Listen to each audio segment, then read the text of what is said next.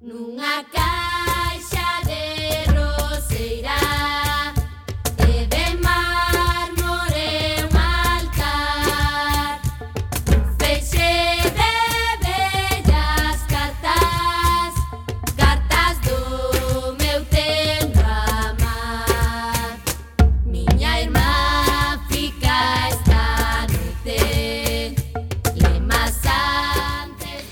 Moi boa tarde, recendeiras e recendeiros, benvidas e benvidos a este espazo radiofónico semanal dedicado á cultura que facemos en rigurosísimo directo son as 7 da tarde todos os martes aquí en Cuac FM a 103.4 a Radio Comunitaria da Coruña.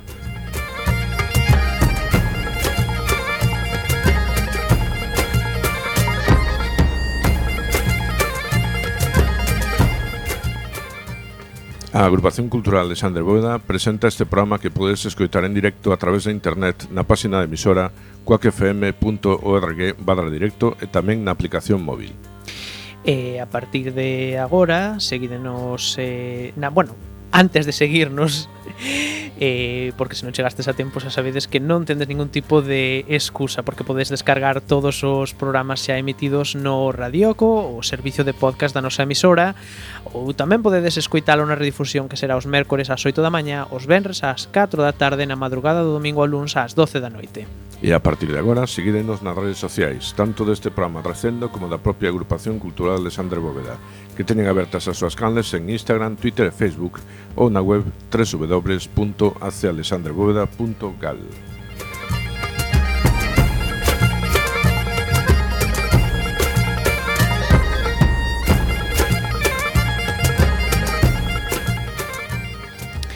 Pois xa sen máis, imos cara a luna procura desta fantástica aventura cultural. Oxe temos a Roberto Catoira no control técnico e aquí tamén falando xos coal manteira, pois está Roberto Catoira e acompañado na locución por Miguel Anxo Facal. Unha caixa de roseira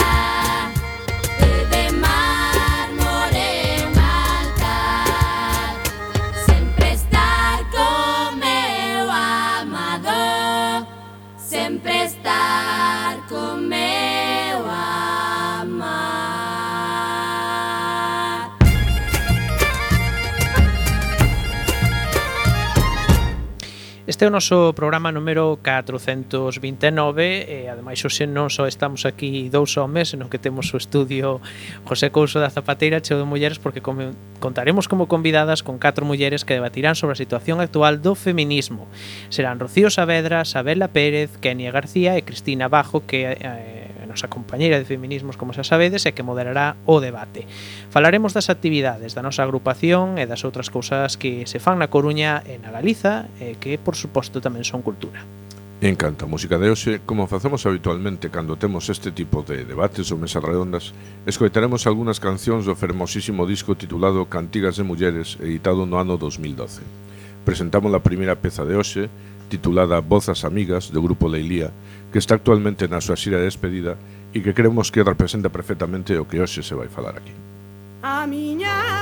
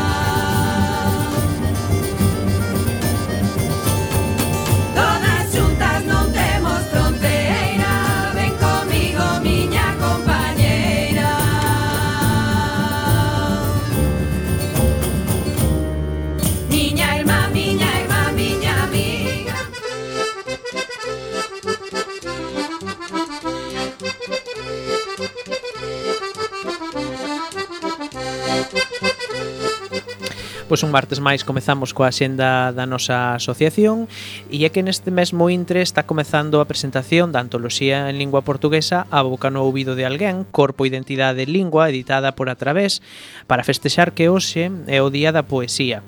Contén poemas de 43 poetas nados a partir do 75 na Galiza, Portugal, Brasil, Mozambique, Angola, Guinea-Bissau, Cabo Verde e San Tomé e Príncipe. Presentan o libro Martín Paoli, Joana Magallans, Charo López e Tiago Alves Costa, coordinador da antoloxía. Comezou a 7 no noso local. E atención, porque mañá mércores 22 presentamos unha palestra baixo o título de Feminismo e 8M, unha ollada xeracional. Nesta mesa reflexionaremos sobre a perspectiva que diferentes xeracións teñen sobre o feminismo e 8M na actualidade. O acto encadrase dentro do cuarto ciclo Mulleres en Realidades Comuns, coordinado por Cristina Bajo en colaboración coa colaboración da Marcha Mundial das Mulleres. Na palestra intervirán Nicolasa Castro Monteiro, responsable da Secretaría das Mulleres da CIGA e activista na Marcha Mundial das Mulleres, e Rocío Saavedra, politóloga e activista feminista. Dúas delas están hoxe aquí connosco, así que algo máis poderán contarnos sobre este acto. Será ás sete e media da tarde no noso local da Rúa Santo André 36, primeiro andar. E o xoves 23, dentro do ciclo Aula Aberta coa UDC, Imado Val falaránnos da proxección autoral das poetas galegas nas redes sociais digitais, catro casos representativos. Nesta palestra analizarase a proxección autoral de catro poetas galegas contemporáneas, Elena Villar Janeiro, Dores Tembrás, Afra Torrado e Estíbaliz Espinosa nas redes sociais digitais. Será a sete media no noso local. E rematamos o duns 27, Como xa sabedes, os luns temos agora ciclo titulado O Románico, Galiza na vanguarda, e neste próximo luns Ramón Izquierdo falará sobre a Catedral de Santiago na era Compostela, a alianza do Regnum e o Sacerdotium para a configuración dun templo nacional. Será sete e media da tarde, tamén no noso local.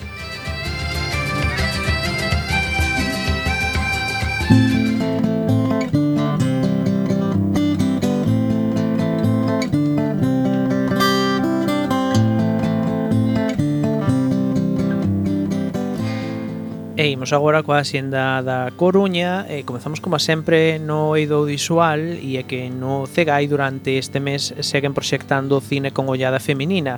Por destacar algo diferente podedes ver a película Love Letter da xaponesa Kinuyo Tanaka. Mañá mércores ás 10 eh, mércores 22, perdón ás 8 e media. Eh, o xoves 23 ás 6 o venres 24 ás 8 e media proxectarase a poeta analfabeta de Sonia Méndez que fala sobre luz Fandiño. E nas salas do, de cine do Foro Metropolitano pode verse 3.000 anos agardándote, película de corte fantástico do australiano George Miller, e a Siria Kobane, que fala da loita das mulleres curdas contra o ISIS. Será do xoves 23 ao sábado 25 nos horarios habituais destas salas.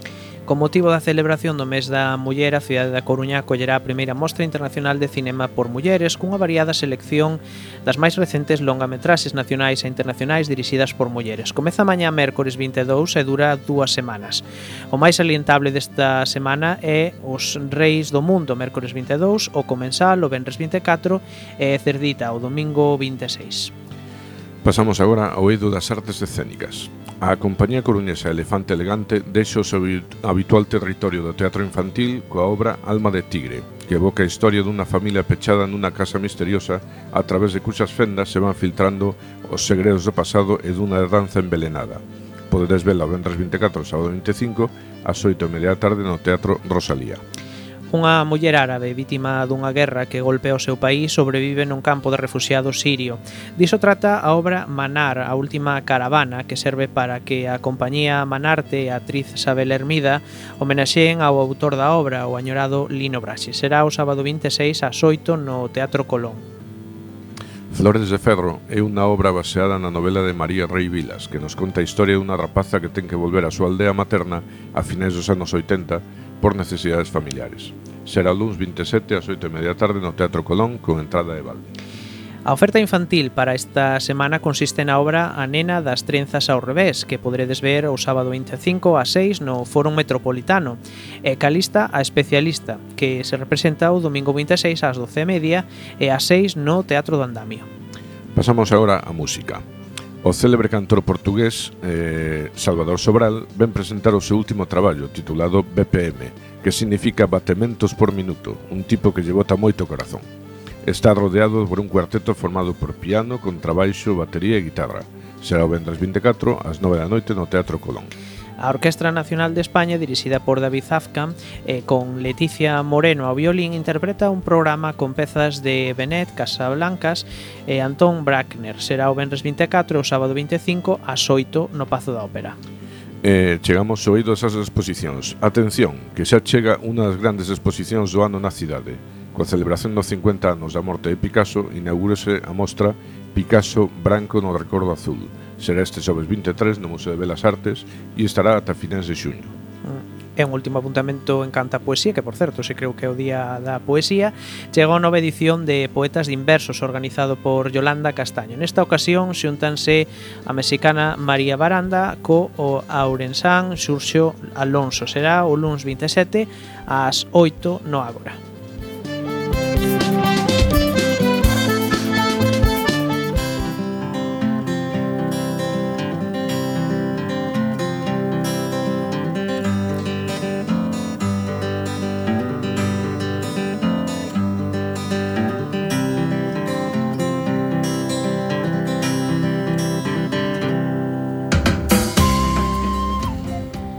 e pechamos as axendas como a axenda da Galiza. Comezamos por Ferrol, onde a compañía galega Maquinarias Teatro presenta a obra que din as rumorosas, unha comedia coral na que cinco actrices e unha bailarina navegan xunto a seis artistas galegas.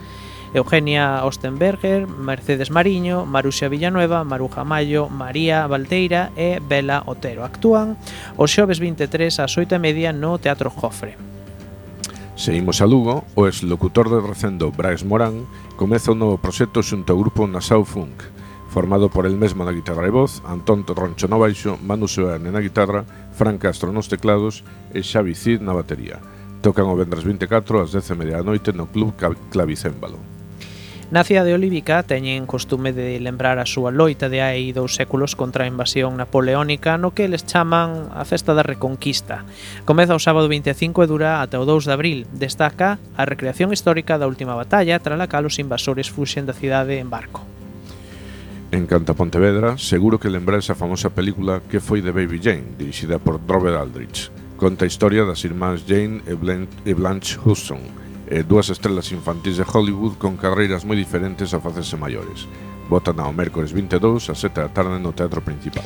E na capital de Galiza, nova montaxe de Aine Producións e Códice K, unha obra que conta a historia do roubo do Códice Calestino en 2011.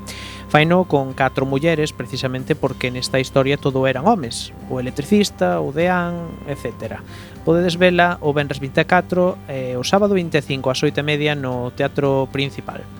En Ourense, de Scarnivals, o grupo do Modrazo que toca ska e reggae, volve coas pilas cargadas e cun novo traballo titulado Latexos, que presentarán nunha serie de concertos que, que presentarán, perdón, nunha serie de concertos durante a primavera de 2023. Esta vez tocan no sábado 25 ás 10 da noite no Café Cultural Auriense. E hoxe como vila convidada temos a Cedeira porque estes días na vila norteña ten unha vizosa xenda. Pode verse a obra de teatro Ifixenia na Porta do Súper o mércoles 22 ás 12 da mañá no Auditorio Municipal. A esa extraña hora supoñemos que é unha función para centros educativos e a obra crónica tamén que podedes ver crónica dunha eh, heterosexual insatisfeita pode verse no mesmo lugar o sábado 25 ás 8 e media.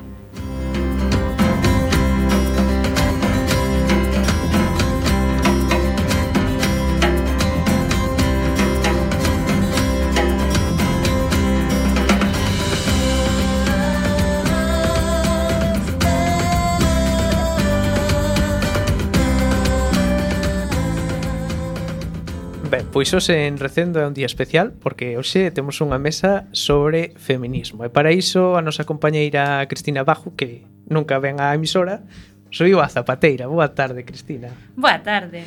Que, por certo, comentamos antes que a última vez que estivemos aquí todos xuntos, Sí, sí. A última vez que estivemos aquí todos xuntos, ao día seguinte, ou os dous días, eh, decretouse, bueno, pan, eh, o confinamento, pandemia e todo o que xa sabemos. Así que esperemos que hoxe pois non haxe, non sei, un cataclismo ou algo bueno, así. Bueno, eu non teño todas comigo porque está Tamames no Parlamento, entón en fin, estamos aquí, el ali, o mellor pasa algo, a pero saber, bueno. A saber. Todo teu, Cristina. Bueno, pois antes de nada, moitísimas gracias. Eh, e sobre todo moitísimas gracias ás compañeiras que están hoxe aquí eh, que, se, eh, que son tres mullerazas eh, que, bueno, que eu quero e sobre todo a nivel de activismo e de traballo e na rúa e a moitos niveis pois admiro e considero que son moi importantes que, que sigan traballando e que sigan tendo unha presencia e bueno, que sigamos, sigam, eh, sigamos estando todas xuntas. E bueno, vou presentar. Eh, temos a Kenia García puta feminista. Benvida, Kenia, moitas gracias. Buenas tardes, muchísimas gracias por la invitación y la oportunidad de compartir aquí espacio con las compañeras. Eh, logo temos a Isabela Pérez, xubilada e eh, feminista autónoma. Gracias, Cristina, muitísimo. É un placer estar con, con vos. Eh, e logo, eh, Rocío Sabre, eh, Saavedra, que é activista feminista, que mañá vai estar comigo tamén eh, na mesa que imos celebrar no Alexandre Bóveda, así que doblemente gracias, Rocío. Moitas gracias a todas vos. Bueno, pois hoxe estamos aquí por para facer un balance sobre mm, o 8 de marzo deste ano e sobre todo eh, co feminismo, fem, os feminismos eh, na actualidade. Entón, antes de, antes de entrar en materia, sí que me gustaría, eh, porque ven bastante o caso, falar dun libro que estive na presentación a semana pasada, que é un libro que chamase Un feminismo de código abierto del movimiento 15M a las huelgas feministas del 8 de marzo, del 2011 al 2019. Autora é Carmen Galdón. E para min este libro ven moi a colación porque o que fai é unha, é unha reflexión, fai unha investigación eh, sobre todo o proceso que viviu o feminismo no Estado español. E ademais é un, un traballo que para min é moi moi honesto, bueno, a autora tamén a coñezo, e sei que é moi impecable agora de abordar as cuestións, intenta ser moi obxectiva, Entón, ela en todo momento fai unha investigación falando con as diferentes, os diferentes axentes que forman parte de todas esas realidades. Entón, desde o que ela chama no libro Feministas de larga trayectoria, que logo xa no debate seguro que saen os nomes, e tamén os, as mulleres feministas que estaban en Comisión Sol, pero tamén fai un estudio a nivel do Estado español, non, non un libro centralista dende Madrid, senón que tamén digamos que, que, que fai unha investigación sobre todo a, a, o que aconteceu eh, na Galiza, eh, en Euskal Herria, etc. Porque tamén penso, e supoño que tamén sairá agora no, na, eh, no debate, eh, que moitas veces pensamos que o feminismo, eh, a situación dos feminismos é o que sae nos medios de comunicación e sempre dende un punto de vista totalmente centralista. Entón, ás veces, pode haber unha, unha correlación, pero outras veces non. Entón, bueno, todas estas cuestións eh, penso que serían interesantes eh, abordalas. Eh, a min antes de, de empezar, sí que eh, tamén gustaríame eh, destacar que neste libro que ves que o, no 2011, digamos que no feminismo, nos feminismos estábamos de digamos, como de subidón, que de repente había bastante, digamos que había bastante consenso, había bastante ilusión, había moitas, ga eh, moitas ganas de, de facer cousas xuntas, eh, ata que, bueno, vai toda a evolución co 7 de novembro, co tren da, da contra a violencia machista, pacto de Estado, bueno, todo o que sucedeu, ata a explosión no 2018, que a gran explosión, cando o feminismo fai a folga, eh, saímos á rúa masivamente toda a sociedade, todo o mundo eh, sentiuse interpelado. E logo no 2019, despois dese gran momento, dese gran subido, no 2019 empezan a aflorar esas diferencias. Logo xa como anticipou o meu compañeiro, veu a, veu a pandemia, que non me quero rir do tema, pero digo que aí foi como un parón, Estamos agora no 2023, entón, bueno, a mí gustaríame que, que fixéramos un balance sobre mm, como foi este 8 de marzo, eh, tanto en Coruña como a nivel estatal. Entón, bueno, non sei se si queredes empezar algunha ou dou eu paso. Que preferides? Pois, Kenia, empezas ti?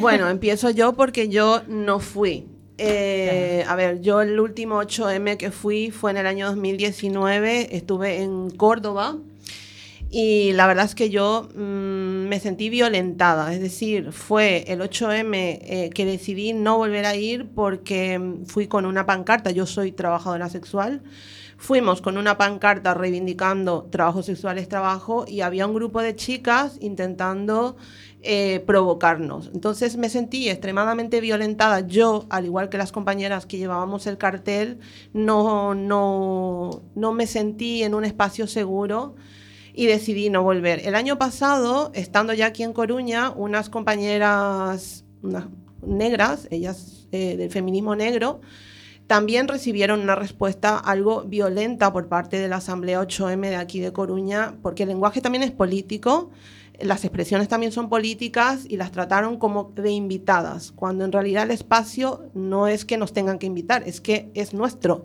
Entonces, son elementos que a mí este año eh, me hicieron reflexionar y este año directamente no fui porque no me siento segura, tristemente no me siento segura. Y de hecho que hubo un incidente que lo comentó nuestra compañera Janita, so- eh, con una compañera con diversidad en silla de ruedas, que al final no tuvo el trato que se merecía al final se la trató no como una compañera, sino como una molestia. Entonces creo que necesitamos una autocrítica urgente en torno al- a las concentraciones del 8M. Gracias. Sabela? Bueno, pois... Ti estiveches no 8M. Sí, eu estive na manifestación do, do 8M. Eh, me sorprendeu porque se leu o manifesto antes de que, de que chegáramos todas as mulleres, non?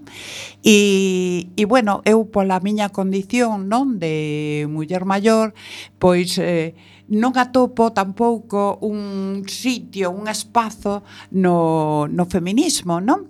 Eh, vamos a ver, eh, eu cheguei ao feminismo como unha necesidade, como unha necesidade urxente, non? O sea, que como unha terapia, non? Porque era o que me daba solucións ao meu malestar, non? E, e, e me daba, na medida do posible, estrategias, non? Estrategias para solventar ese, ese malestar. Pero neste momento en donde xa non estou no mercado, non? O sea, eh, xa non son unha servidora, non laboral, ningunha servidora sexual, ningunha servidora de de coidados, non? Donde todo eso pois mm, eh, non encontro no feminismo esa complicidade, non? Esa complicidade nin encontro eses recursos comunitarios que se debían eh, que se debían estar contemplando, non? Esos recursos eh, comunitarios ou ese eh, recoñecemento, esa visibilidade, non?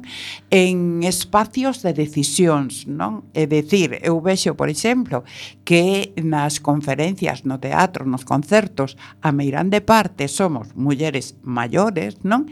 Pero, sin embargo, non temos capacidade de xestión das actividades culturais, non? Por exemplo.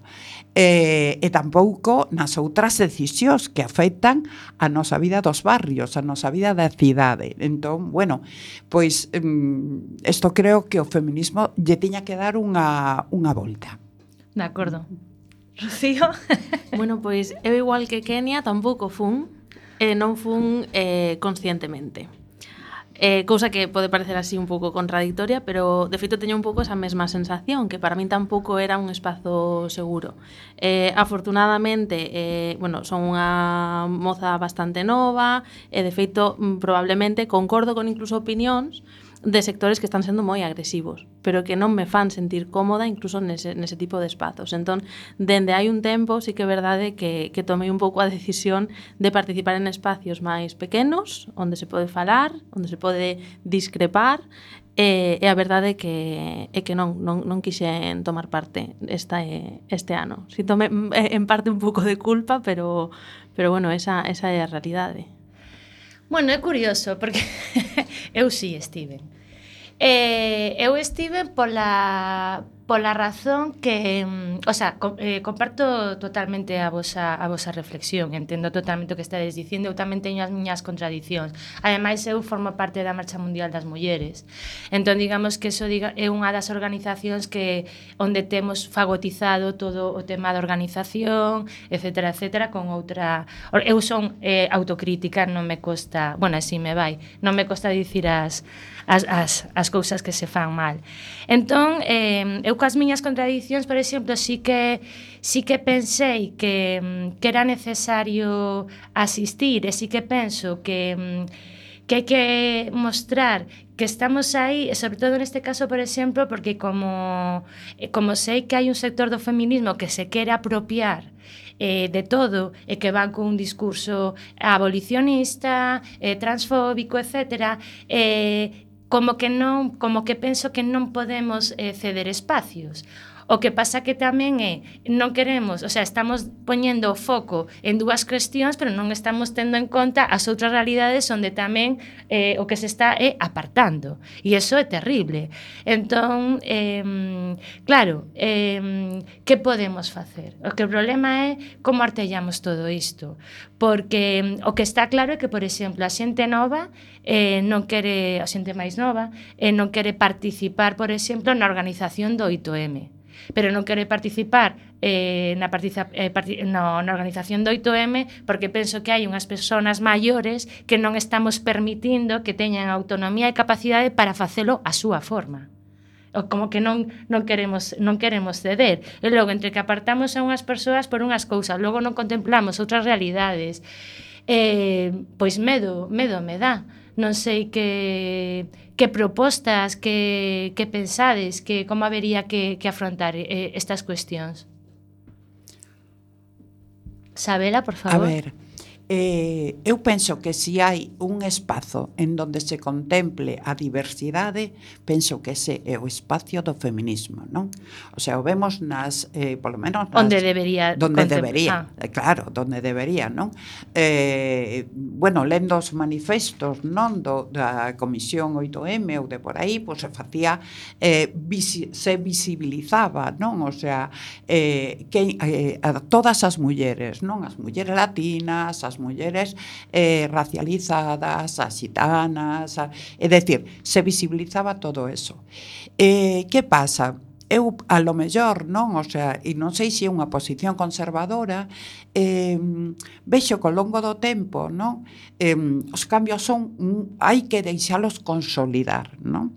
Eh, si pensamos, si penso eu, eh, na miña clase, non, con adolescentes, hai dez anos, eh, introducindo eh, modelos non binarios ou falando de todo isto, alucino. O sea, non era isto o presuposto que, que, que había. É dicir, que eu penso que eh, o discurso do feminismo é tan transgresor que a sociedade lle costa asimilalo e que ten que pasar un tempo non para eh, facer os cambios necesarios. Falábamos aí fora de que eu pasei ao ser separada de, a, de ser unha familia eh, desestruturada desestruturada a ser hoxe afortunadamente unha familia monomarental e orgullosa, non? De ser unha familia monomarental, xa estaba orgullosa de, de entón, non? Pero quero decir que hai un proceso de decantación, non? un proceso de decantación que eu penso que é necesario, non? Facelo. Creo que é necesario facelo. Eh, creo que debemos estar eh, pulando de alguna maneira porque as nosas realidades se contemplen, non? Eh, un pouco é eh, como mm, eu escribía ora, o, o sea, con el endemisma, non? O sea, eu son un endemisma, non? O sea, el endemismo, non? Cando unhas circunstancias te obligan non a, a cambiar, a modificar a, a túa estrutura mental, tes que eh, adaptarte e a sociedade ten que eh, bueno, pues, establecer unha correlación. Non? Penso que o feminismo é o espazo donde, donde hai que estar. Eu, vamos, desde logo, mm, para min mm, ese é o criterio, non? E, e, e bueno, creo que hai eh, moitísimas cousas que nos unen, moitísimas cousas que nos unen. Sí, pero bueno, estás dicindo que hai moitísimas cousas que nos unen, pero curiosamente eh, aquí a maioría nos sentimos totalmente fora dese, desos espacios. Eh, o sea, eu penso que son a, a máis eh, proclive a estar nesos espacios, quizáis pero a realidade é que a xente en su grande maio, o sea, as mulleres que son feministas, eh, pois non se sinten agora mesmo eh, seguras, nin, nin, nin arropadas, nin, non sei, Rocío? Uh -huh. Sí, eh, a ver, eu creo tamén que o feminismo de algún xeito pode, pode díase dicir que foi incluso vítima dun sistema, no? O final, cando falábamos do 2018, no? Este pelotazo, esta saída masiva eh, de mulleres ás rúas polo, bueno, por todos os contextos e eh, tamén por cousas que pasaron internacionalmente e demais creo que faltou aí esa parte que falaba tamén Sabela, no, de consolidación, que ao final foi como é unha subida moi grande e non asentou. E, e bueno, é verdade que, que o mellor non asenta pois precisamente porque nos poden faltar eses espazos máis seguros, máis do día a día, máis do cotián, máis de poder falar un pouco en, en, en calma, non? E, e bueno, sí que creo que, que é algo que temos que analizar, que tampouco nos temos que culpar, porque non é algo sí. que lle pase soamente o feminismo, pasa tamén noutros movimentos sociais, eh, pasan organizacións, partidos políticos, o final é verdade que cada vez este sistema capitalista consumista levanos a eh, desmobilizar, que non exista militancia, que exista máis, pois eso, a, a causa inmediata de por un tuit ou sair a unha manifestación cando tamén hai certo interese. Entón, bueno, eu creo que hai que traballar aí neses espazos, nos que realmente como que atravesan a xente, pode chegar a ela, non sei. Eu tiraría máis por aí. É difícil. Kenia, por favor. Bueno, yo voy a decir algo incómodo seguramente. no. Bueno, eh, a ver, lo- mm, yo también tuve mis contradicciones este año porque opino mm, igual que vos, Cristina. Yo creo que son espacios que no podemos dejarlos porque están intentando apropiarse un sector reaccionario que quiere negar derechos a, a- especialmente, por ejemplo, en el caso de las compañeras trans, ¿no? Entonces sí, que yo este año me lo, me lo he repensado, pero eso no significa que el año que viene eh, vuelva. Necesitaba ese respiro. Eh, a lo que me refiero es que si voy a tomar como ejemplo lo que pasó, por ejemplo, en Madrid o lo que está pasando en Madrid, yo también creo que a veces es necesario romper para reconstruir. Es decir, en Madrid se hicieron eh, dos manifestaciones, ¿no? Y un- una de ellas, una de ellas reivindicó eh, las luchas de todas las mujeres, incluyendo el de las mujeres trans y tratando de llegar a un consenso. Es cierto, no todas consideran que trabajo sexual es trabajo, pues entonces hablemos de mujeres que ejercen la prostitución. Es una manera de consensuar y no hablar de prostituidas ni hablar de mujeres en contexto de prostitución. Eso nosotras no lo queremos, pero luego hay otras compañeras que también dicen que no, que trabajo sexual no es trabajo. Bueno, pues entonces hablemos de mujeres que ejercen la prostitución, un consenso. Entonces, eh, el 8M salió dividido seguramente, pero yo creo que ese sector reaccionario poco a poco va a ir siendo residual. Es decir, al final en la historia van a quedar en el olvido. Pero mientras tanto, eh, ese, ese 8M del consenso va a continuar porque es mayoritario. Entonces, mi idea es esa, romper para reconstruir y continuar sin... sin eh, Sí. a ver, porque a lo mejor no te he entendido. Eh, tú dices que residual va a ser eh, este sector reaccionario del feminismo. Pois yo unha das cousas, unha das cousas, perdón, unha das cousas que ia plantexar é que eu penso que aínda que Galiza non é non é Madrid, evidentemente, penso que Madrid sí que é antesala de moitas cousas. O sea, quero decir, que vendo que está sucedendo en Madrid, sabemos o que o mellor vai pasar aquí. A min unha das cousas que me preocupa eh, é saber os datos eh, da mani de, de de Madrid, que, que foron unha diferencia, non sei exactamente os datos, pero a diferencia como un un 35-65%. A min eso pareceme unha barbaridade, o sea, as reaccionarias eran un 35%. Eso é moitísimo. Que sucede? En unha cidade como a Coruña eh, sí que foi algo totalmente, vamos, anecdótico. Estaban eh, 100 mulleres nunha praza, na Praza da Palloza, pero o ano pasado non houbo esa, esa esa, esa concentración. Entón, claro, eu pensaba, uf, o mellor eh, non estamos dándolle eh, non, non lle estamos dando eh, a importancia o que está a acontecer en Madrid porque o mellor eso sí que se vai trasladar a outros territorios e máis que nada como vivimos un, en un sistema moi globalizado moi eh, sí, moi globalizado, onde ao final van calando determinadas cousas. A min esa, esa cuestión preocúpame bastante, sobre todo por como está organizada este feminismo eh, reaccionario. Eh, eu penso que van avanzando pouco a pouco, non sei. A ver, a mí sí, mm, te sí. respondo ya que mmm, yo creo que el gran problema que tenemos con ese feminismo es eh, las cuotas de poder que siguen teniendo en las instituciones. Yo creo que a nivel de movimiento social eh, la inclusión o el sentido de inclusión de, de la diversidad de compañeras va aumentando. Pero el gran problema sigue siendo, siguen siendo las cuotas de poder que ocupan en las instituciones. Non sei se queredes responder.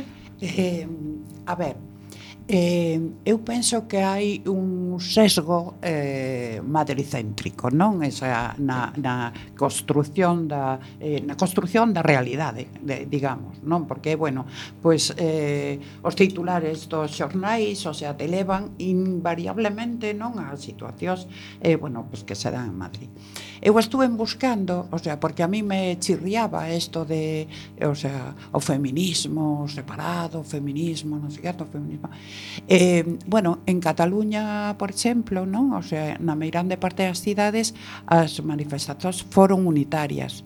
Que pasa? Pois ao longo do trayecto, non? Había tris, non? En donde, bueno, por nun determinado momento a persoa, a, o colectivo que quería eh, mm, bueno, pois expoñer as súas, eh, as súas reivindicacións se subiu ao trili e expoñía, me pareceu unha cosa super práctica, non? O sea, sabes? eh, en, en Euskadi, pois tamén, o sea, nas principales cidades, non? Tamén foi unitaria. Eh, Andalucía foi separada en Sevilla en Almería, pero Andalucía moito máis, non? Entón, Eh, que pasa? O feito de ser Madrid, eh, bueno, la capital del Estado e, e, e, e bueno, pues estar por un lado só e outro, eh, bueno, pues eh, a escenificación que fixeron sobre a lei do solo si así, eh, pois penso que eh, motivou un pouco pois, esa separación que se viña a lo mellor mm, fraguando desde, desde tempo. Non? Pero eh, a mí me parece eh, que mm, non é práctico, o sea, non é práctico incidir no que, no que se separa.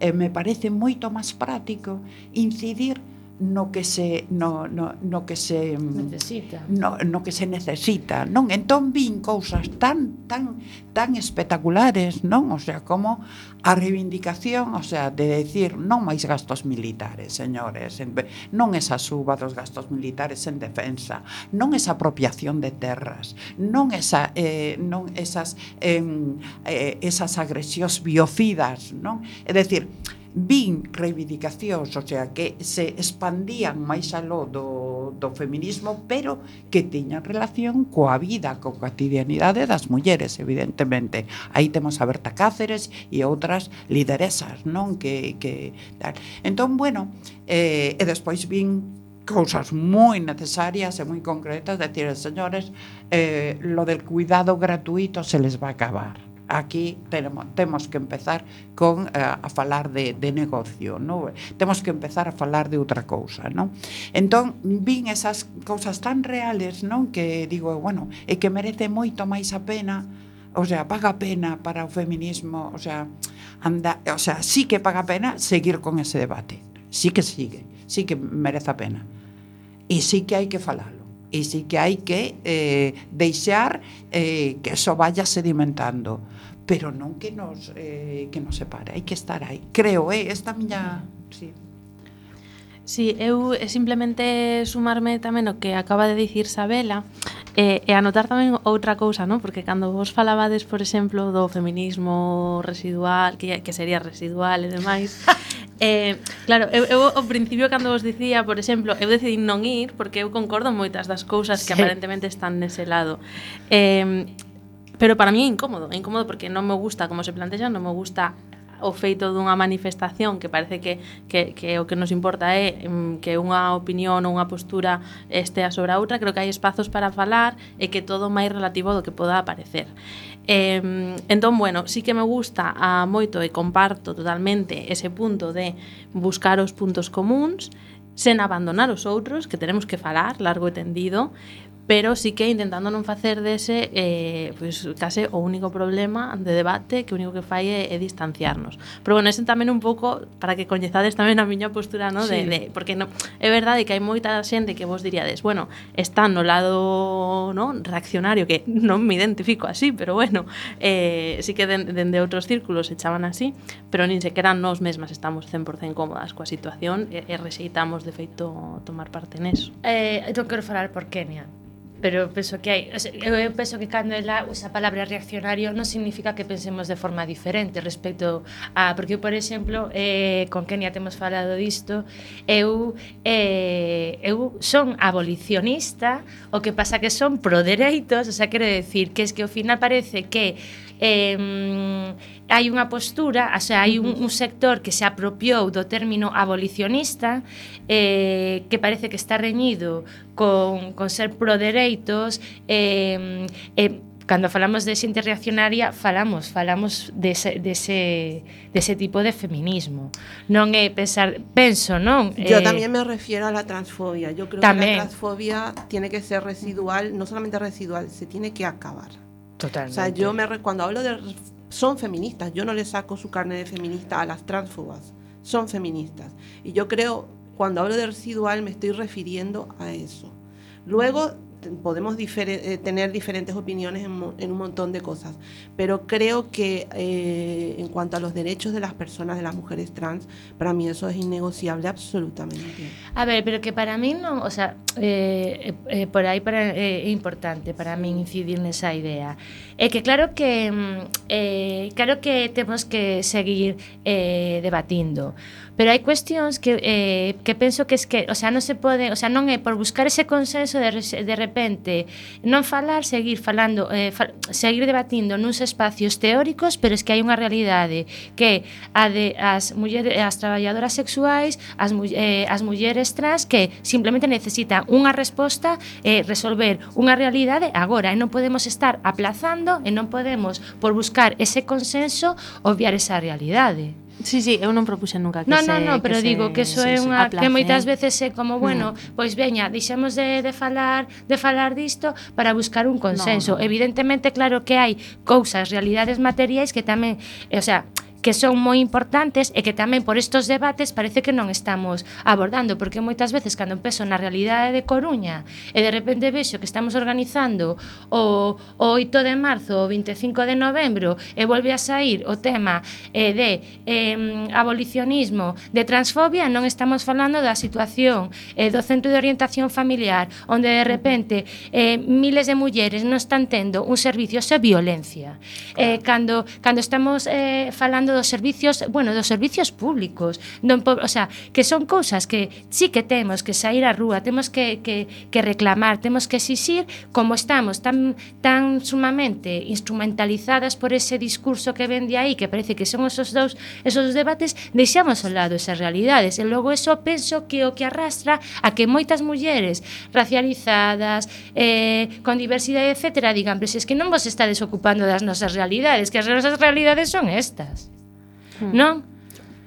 Entón, bueno, non sei... Claro, son... É, é a sanidade, é a educación, unha educación inclusiva, unha educación sexoafectiva para os rapaces que estamos vendo, bueno, pois que se educan a través do, do consumo do porno. No, non? É, o, que... é o que está sucedendo no Centro de Información das Mulleres, que non teñen persoal, entón, como non teñen persoal, solamente están cubrindo todo o que ten que ver con ludoteca ou non sei que, non poden dar resposta a, a situacións que chegan no día a día, eu penso, jope, é que isto é motivo para estar traballando todas xuntas, pero a cuestión o que estamos facendo moi mal para que a xente, para que que as mulleres, as compas non se sentan interpeladas e non queran participar nisto. Que iso o, o, o preocupante. Bueno, non sei que, que pero total e absoluta, e a desmovilización e a desafección eh, eh, total. E ao final nos estamos eh, eso, deixando levar por, por, esa, por esa Eh, pois iso, por esa polaridade que non nos leva a nada e que o único que está facendo é que se estén apartando as compañeiras e que ao final se sigan con prácticas, a ver, a ti desto sabes bastante, esas prácticas de organización, eh, esas formas totalmente tradicionais, as tomas de decisións, a participación, que ao final eh, o feminismo parece que se traduce en, en dúas, tres datas eh, coas, eh, coas dinámicas totalmente antiguas, claro, onde a xente non quere participar. Claro, claro, o que non se pode caer no rito, porque o feminismo eh, eh, non pode ser unha doutrina. E eu penso que eh, hai tendencia, non? O sea, hai tendencia a facer unha doutrina do, do, eh, do feminismo, non? E como doutrina ten as súas ritualizacións, non? Entón, bueno, eu me parece que deso hai que fuxir, non? Hai que fuxir das ritualizacións e hai que fuxir dos, dos dogmatismos. Acabas de dicilo agora moi ben. O sea, hai un, un recorrido amplo en donde temos unha cantidad de cousas super comuns e super necesarias que, no, que, que me fan falar con esta compañeira e eh, contigo e con outras compañeiras, non? E que temos cantidad de cousas comuns, non? Entón, Ai, achantemos por aí, camiñemos un rato por aí, camiñemos un pouquiño por aí, non? Deixemos o outro, non, non deixalo de lado, non? Pero que non sexa o tema principal, porque se eu me, nos poñemos así, o sea, non, non hai, non pode haber, hai, é unha, unha dinámica de forza, e esa dinámica de forza nunca, nunca chegou a bon, eh, a bon fin. Nunca, eu penso que agora hai que baixar, hai que baixar, hai que eh, baixar esa polaridade e, e que obedece un pouco a estrategia eu penso que da dereita da extrema dereita esa polaridade absoluta penso que é unha estrategia que mm, trasvasa aos, aos medios de comunicación e que, bueno, pois eh, as redes sociais xa non digamos entón, bueno, que somos un pouco víctimas eso. entón, bueno separémonos un pouquiño eso e fagamos unha reflexión en positivo de decir, bueno, a ver mm, que nos pasa, non? Que nos pasa e a donde vamos, non? Eh, pero non como doctrina, sino como proceso de vida, non? Como construcción de, de relato, sí, sí. Kenia. No, al hilo de lo que decía la compañera, eh, yo escuché un testimonio, un minuto y... me No, no, ven, ven, ben de Escuch- tempo. al hilo de, que- de lo que decía ella, eh, escuché a una, creo que fue en redes, eh, que decía una, bueno, yo soy abolicionista de la prostitución, pero voy a ir aquí porque hay otros temas que me interesan a mayores. Entonces yo voy a ir aquí. ¿Qué es lo que dice ella justamente? No polarizarse porque yo soy abolicionista o yo soy tal y ya no acompaño. No, ella acompañó igualmente porque habían otros temas que eh, sí se reivindicaban y que a ella sí le parecían importantes. Entonces es un poco también ceder y darle importancia a la diversidad de mm, reivindicaciones que llevamos en el 8M, que el, el 8M de Madrid llevó un montón de reivindicaciones muy importantes. Eh, e, o sea, temos cinco minutos, pero sí que me gustaría me coñecer a vosa opinión eh, sobre como pensades, o sea, sendo realistas, vale, ímolo a, a acotar a, a cidade da Coruña, o mellor, o a nivel galego, eh, Eh, porque claro, ao final que falamos de, de feminismo parece que sempre estamos falando de esas dúas datas que son moi importantes, que vale, que son moi importantes e que hai que traballar, pero logo hai que facer un traballo un traballo continuado, porque ao final as vidas son os 365 365 días. Entón, eh, non sei como que posibilidades vedes de como empezar a eh, artellar unha forma de, de traballo común, de conseguir adhesións, se pode ser baixo eh, o paraugas de organizacións políticas, sindicais, se debe de ser un feminismo máis autónomo, independente, autoorganizado, non sei que, que fórmula considerades que pode ser eh, a resposta máis axeitada á realidade que, que estamos vivindo agora mesmo. Rocío, por favor. Vale, eh, bueno, eu sí que creo que hai que recoñecer tamén o contexto no que estamos eh, e que non existe unha vontade, por exemplo, da, da xente a, a participar en, en estruturas organizadas. Entón, eso hai que aceptalo, inda que nos gustaría que fose de outro xeito ou non. E a partir de aí eu sí que creo que hai hai que entrar onde as mulleres lles poda doer, no sentido de que hai que hai que abordar eso, hai que ofertar un espacio, pois como dicía a compañeira ao principio, non case terapéutico inicial que se vexa eh, que que o feminismo incide directamente nos problemas que temos todas as mulleres no noso día a día. Eh, eu tiraría por aí. Hai moitísimas iniciativas, ti coñeces ben, clubes de lectura, espazos de reflexión, eh, bancos de tempo, eh, bueno, incluso coas nosas veciñas, non? Pois eh, un pouco establecer aí esas, esas redes. Creo que é o xeito que sobre todo permite romper esa polarización, porque ao final as manifestacións é, é, é o que estábamos dicindo, non? Eu, é, eu o que dicía Kenia, podo facer o esforzo sendo moi consciente, pero ao final a contorna tamén enchenos un pouco desa, desa agresividade que hai unhas persoas as que, as que non, non nos convence ou non nos fai aderirnos. Así que, bueno, esa sería un pouco a, a miña, a miña bandeira, un pouco, a actividade cotiá que realmente supoña un cambio para, para as mulleres, para chegalas dun xeito máis dende dentro, non tanto dende máis no. orgánico. Sí, sí, que sí, non tanto, de de, jo, non tanto dende, dende o mellor o marketing, no? que puido haber no 2018, no? un pouco rompamos con eses ciclos case consumistas que fan que o, o movemento sexa consumista, entremos realmente a que impregne a cada unha das, das mulleres.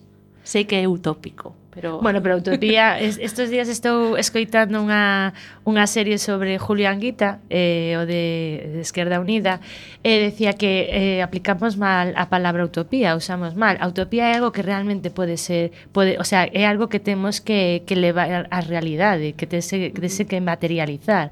Entón, sexamos utópicas. eh, Sabela Kenia, porque xa temos que ir, pero tes a un pouco de eh, tempo. Eh, sí.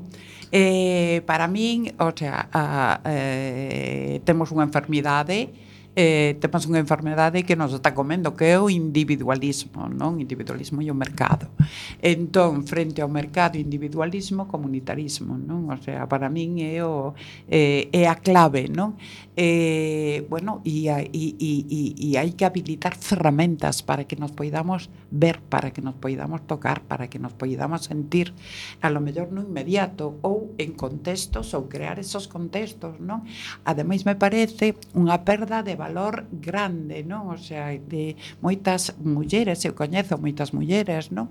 Eh, que teñen, mm, bueno, pois pues eso, eh, inquietudes culturais, non? E que, bueno, pois pues poñelas en práctica ou poñelas en, en, en común, non? Sería, bueno, pois pues, aproveitar esos recursos, non? O sea, eh, eh, pues suena así a moi eh, moi neoliberal, aproveitar como recursos mulleres eh, maiores, pero non, o sea, quero decir que non ten por que ser un gasto, sino que é unha oportunidade, crear a oportunidade do comunitarismo, non? Gracias. Kenia? Bueno, eh, yo apelo al- a la autocrítica al feminismo institucional que en cierto modo con las políticas que están implementando crea también una desafección importante en las mujeres. Y lo digo como mujer migrante. Lo digo como mujer migrante porque muchas mujeres migrantes no se sienten representadas por las políticas que se están implementando a nivel institucional. Entonces yo creo que ahí también hace mucha falta. Se alejan. Yo tengo compañeras que dicen, no, el feminismo no funciona. O llegan al poder y al final nos acaban perjudicando. Y me estoy refiriendo a trabajadoras del hogar, a las jornaleras que están completamente abandonadas y viviendo en chabolas eh, ahí en Huelva. Entonces ellas muchas veces no se sienten representadas por el feminismo eh, y creo que tenemos que hacer algo para intentar llegar más a estas compañeras, a las trabajadoras del SAT, que constantemente nos están reclamando y nos están reprochando y nos dicen que no tienen el suficiente apoyo del movimiento feminista, que no conmociona suficiente todo toda la explotación que ellas sufren. Entonces yo creo que estamos un poco en deuda con todas las compañeras de la clase trabajadora. Creo que tenemos que dirigir un poco más la mirada a estos sectores y, eh, repito, la autocrítica al feminismo institucional. ¿Qué están haciendo las mujeres cuando llegan al poder? ¿Cómo están utilizando esta herramienta? Y ya está. Eh, totalmente. Eh, Tristemente, rematouse o tempo. Xa vos dixen que iba a pasar o tempo voando e que non pasar estas cousas. Pois moitas gracias, bueno, Nada. temos que despedirnos. Moitas gracias a, as compañeiras. Nada. E, sen tempo para máis odiseas, imos chegando a fin do camiño deste recendo. Despedimos o programa de hoxe, agradecendo as nosas, as nosas convidadas, que como sempre son de honra, os estiveron Rocío Saavedra, Sabela Pérez, Kenia García e Cristina Bajo, que creo que quere dicir algo. Nada, que o 25 de maio Carmen Galdón presenta o libro de un código abierto, un feminismo de código abierto na Berbiriana a sete media. Todo o mundo, por favor, que este ali. Gracias. Máis citas feministas para seguir traballando. E agradecendo a semente pedra angular de todo o noso comando equipo de produción formado por Javier Pereira, Gema Millán e Roberto Catoira. Aquí estivemos Roberto Catoira nos controis e tamén no micrófono acompañado por Miguel Anxo Facal que tivo que marchar pero que nos acompañou algún tempo. Acompañándote neste recendo de